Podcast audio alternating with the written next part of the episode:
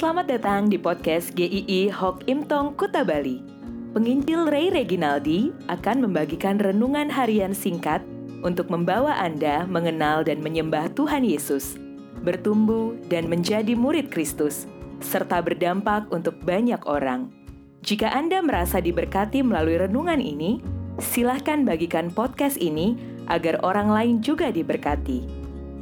Inilah renungan hari ini.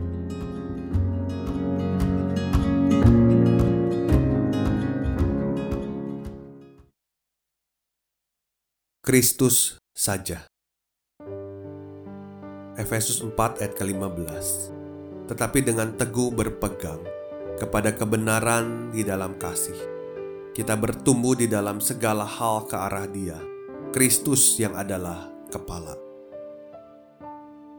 Salah satu masalah yang cukup sering timbul ketika ada perpecahan di dalam gereja adalah adanya kelompok-kelompok atau orang-orang yang tidak mau untuk saling mengalah.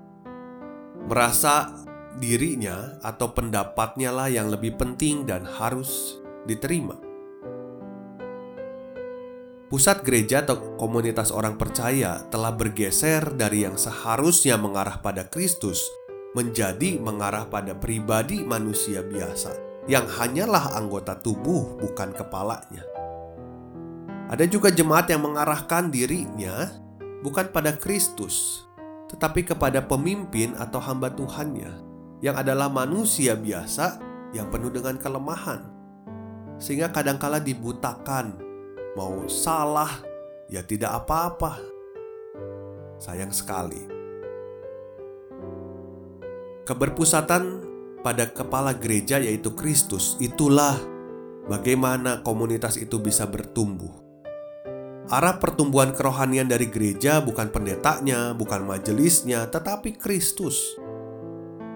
Efesus 4 ayat 13 mengatakan dan tingkat pertumbuhan yang sesuai dengan kepenuhan Kristus.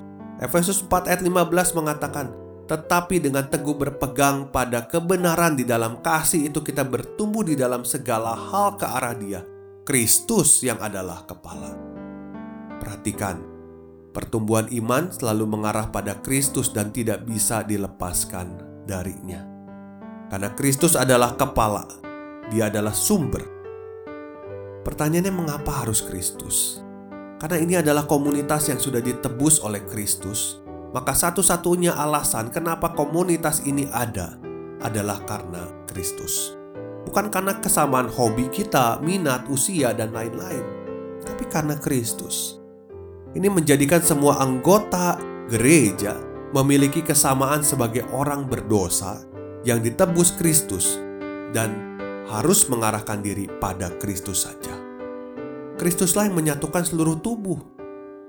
Gereja harus bersumber pada Kristus saja. Bahkan di ayat 15 ditekankan juga pertumbuhan itu dalam segala hal harus ke arah dia. Ada yang menerjemahkan kita bertumbuh di dalam dia dalam segala hal. Jadi gereja harus bertumbuh dengan sentralnya adalah Kristus. Ini adalah pembelajaran yang tidak pernah ada habisnya karena Kristus adalah sempurna. Ini bukan sekedar konsep di dalam dunia ini, tetapi ini adalah apa yang harus kita alami nanti bersama di kekekalan. Kita akan hidup berpusat pada Kristus selama-lamanya maka arahkan seluruh hidup kita sebagai gereja, sebagai orang percaya, hanya kepada dan bagi Kristus. Jika kita mau bertumbuh, satu-satunya arah yang benar, yang betul adalah Kristus. Karena kita sudah ditebus dan diselamatkan oleh Kristus. Kristus mengubahkan hidup hati kita.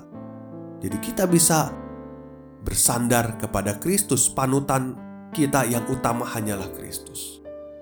Maka janganlah kita mementingkan diri kita sendiri di dalam komunitas orang percaya. Janganlah kita juga menganggap yang lain tidak penting lagi.